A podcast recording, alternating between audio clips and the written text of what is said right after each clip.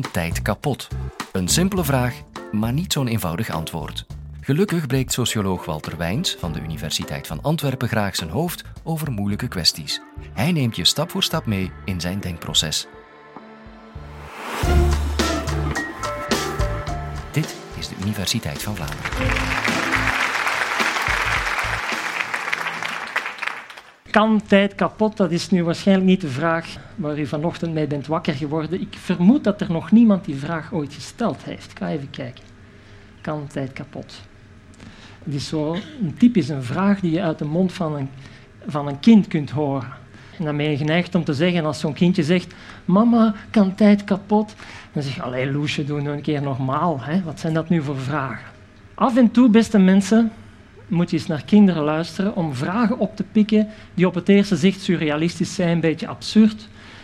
En als je de tijd neemt, dan moet je er eens eventjes over nadenken. En zulke vragen, die kunnen soms leiden tot inzichten die je anders nooit zou gekregen hebben wanneer je die vraag niet zou gesteld hebben. Dus wat we vandaag gaan doen, is die op het eerste zicht volstrekt absurde vraag, kan tijd kapot, even serieus nemen. Heel simpel, het duurt maar een kwartiertje, eventjes serieus nemen. Kan tijd kapot? Het eerste wat we moeten doen natuurlijk om te weten of iets kapot kan, dat is de vraag, ja, wat is het? Hè? En daar zitten we een beetje in de knel. Want meteen de reuze moeilijke vraag, wat is tijd? Wat doe je als je niet weet wat een woord betekent? Je zoekt het op in het woordenboek. En dan vind je daar zo van die verklaringen, heel simpel, enkele woorden. Tijd, dat is het verloop van gebeurtenissen of een opeenvolging van momenten of zo. Als je dat nu eventjes analyseert, dan stel je vast dat die makers van die woordenboeken een loopje nemen met u. Want eigenlijk moet je al weten wat tijd is als je die definitie wilt verstaan. Want wat is een opeenvolging? En wat zijn momenten? Huh, dat is lastig. Dus je moet eigenlijk al weten wat tijd is. En met die woordenboeken komen we dus niet ver. We gaan het elders zoeken. We gaan het bij de serieuze wetenschap zoeken. Bijvoorbeeld de natuurkundigen. Natuurkundigen zijn heel slimme mensen, zeer praktische mensen ook. En de manier waarop zij iets aanvatten of benaderen is bijna altijd met behulp van metingen. Dus zij zeggen, wat is tijd? Hmm, tijd is dat wat je kunt meten. En hoe dan wel? Dat wat je met een klok meet. Dus de definitie van tijd is simpelweg dat wat je met een klok meet. Er zijn verschillende soorten klokken, maar natuurlijk natuurkundigen maken gebruik van heel precieze klokken. Hier vinden we al een, interessant spoortje. Zou het, ik werp de vraag maar eventjes in het midden, is het denkbaar dat als je alle klokken zou wegnemen, kapot maken, met een grote hamer, slash, je slaat het gewoon in stukken, dat we dan daarmee ook de tijd stuk hebben gemaakt? Gedachte-experiment. We nemen alle klokken weg. In gedachten bevinden we ons natuurlijk simpelweg in de toestand van onze verre voorouders. Die hadden ook geen klokken. Maar die hadden iets anders. Iets dat veel poëtischer is. Die hadden wat je kunt noemen natuurlijke klokken. De zon kwam op en de maan. En er gebeurt van alles. En het is lente en zomer en de dingen veranderen enzovoort. Ongeveer alles kun je opvatten als een klok alles rondom je. En men spreekt bijvoorbeeld wel van materiaalmoeheid.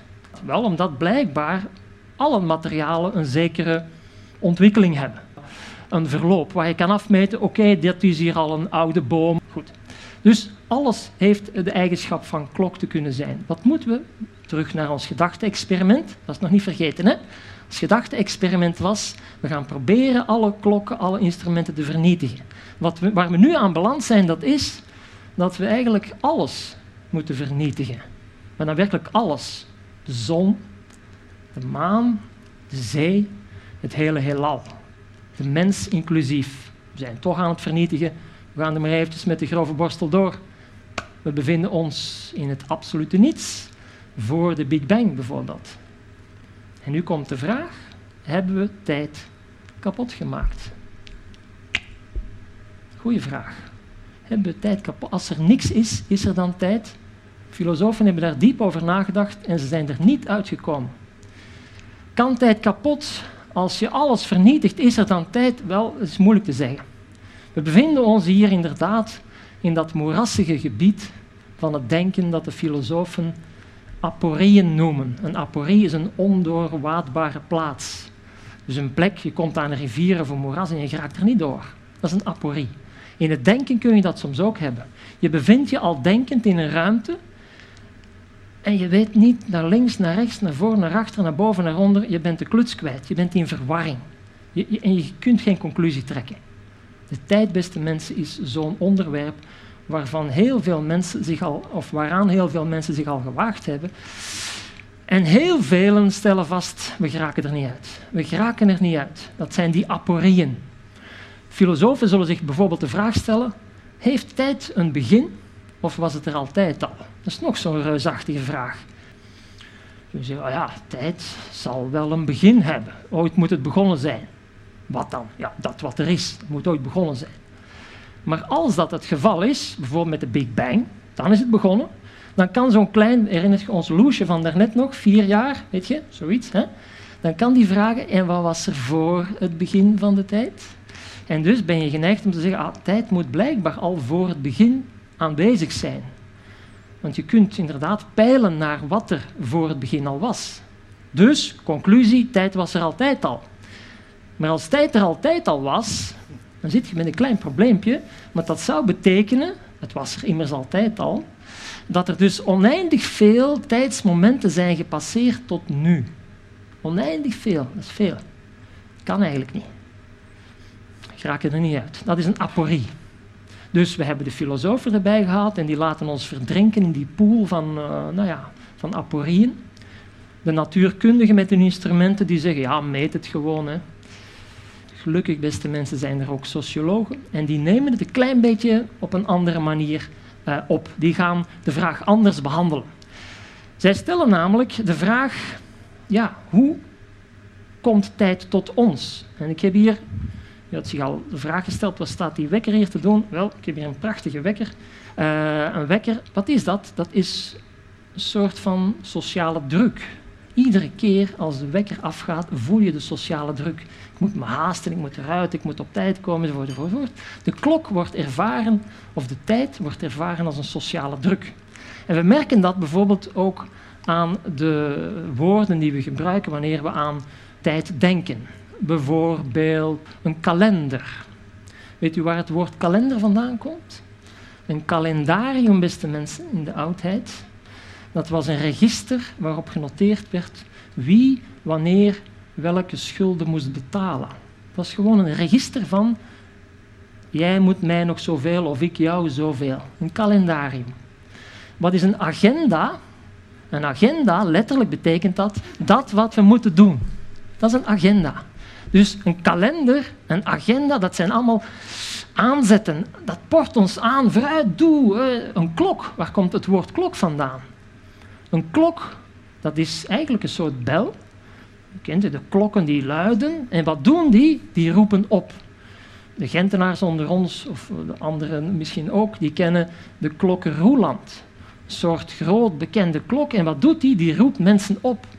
En je kent de stormklok en de alarmklok. Met andere woorden, klokken zijn in eerste instantie uitgevonden om mensen te mobiliseren. Om ze nou ja, wakker te schieten. Doe iets uh, vooruit enzovoort. Met andere woorden, de tijd, sociologisch gesproken, is een soort hulpmiddel om handelingen op elkaar af te stemmen. Daarvoor gebruiken wij tijd. En dus de vraag is dan, kunnen we die tijd vernietigen? Nou, dat is interessant. Uh, er is nog zo'n woordje dat we in verband brengen met, met uh, tijd. Dat is het woordje date. Date ruikt ook naar tijd. Kun je een date kapot maken? Kun je een date kapot? Ja, zegt ze, ze heeft het al gedaan. ze heeft het al gedaan, ze maakte een date en ze is gewoonweg niet er naartoe gegaan.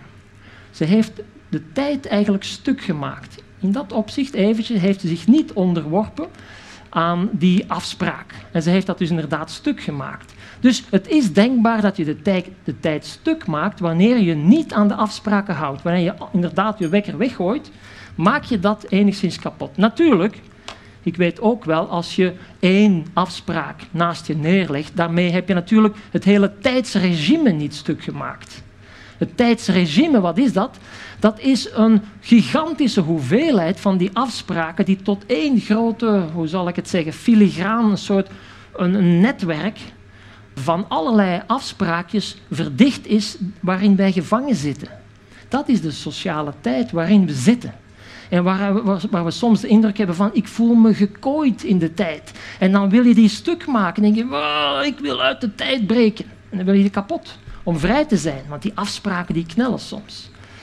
En dus de vraag is nu een beetje verschoven. En dan is de vraag, zijn tijdsregimes vernietigbaar?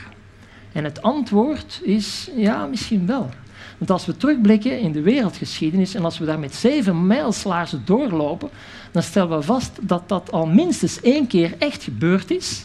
En dat we, en dat wil ik aan u ter overweging meegeven vandaag, en dat we misschien vandaag, hier, nu, op het punt staan om dat nog eens een tweede keer te doen.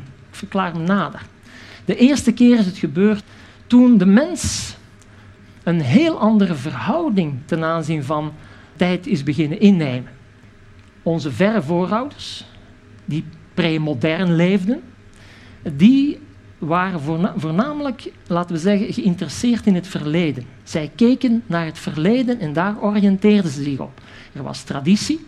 Wanneer ze iets deden, herhaalden ze eigenlijk al wat vroeger ooit in het verleden al gebeurd was.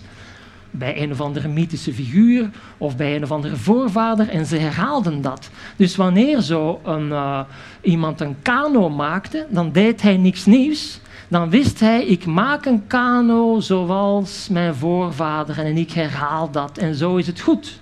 Dat is traditie.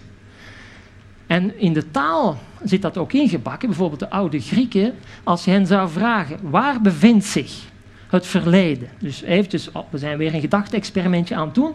Als je nu naar mij kijkt en je zou de tijd op mij projecteren, waar bevindt zich dan voor mij het verleden?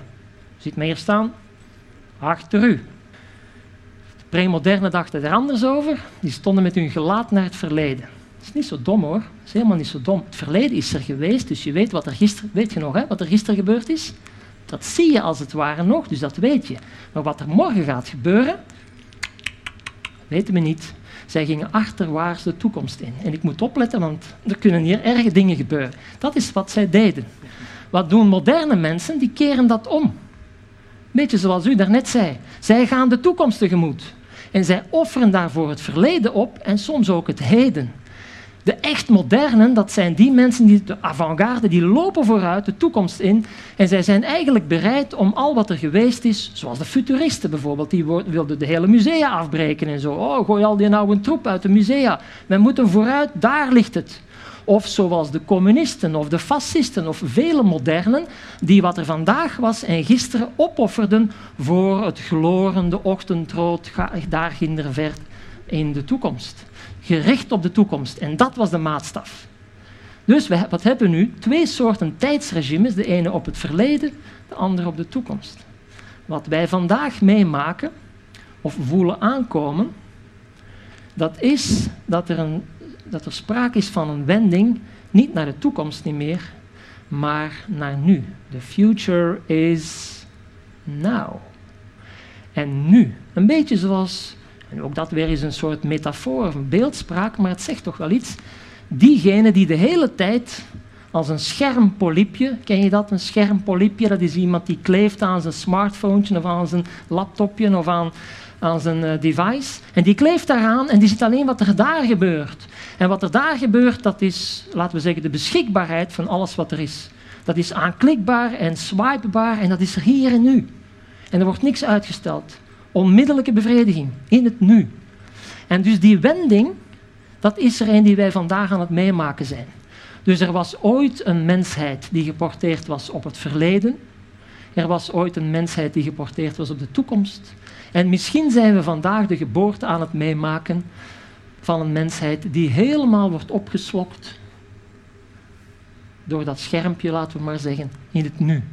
En op die manier stellen we vast, misschien, dat het mogelijk is dat tijdsregimes kapot springen, stuk gaan, en dat het eventueel al gebeurd is. Dus kan tijd kapot? Ja, en we zijn er volop mee bezig.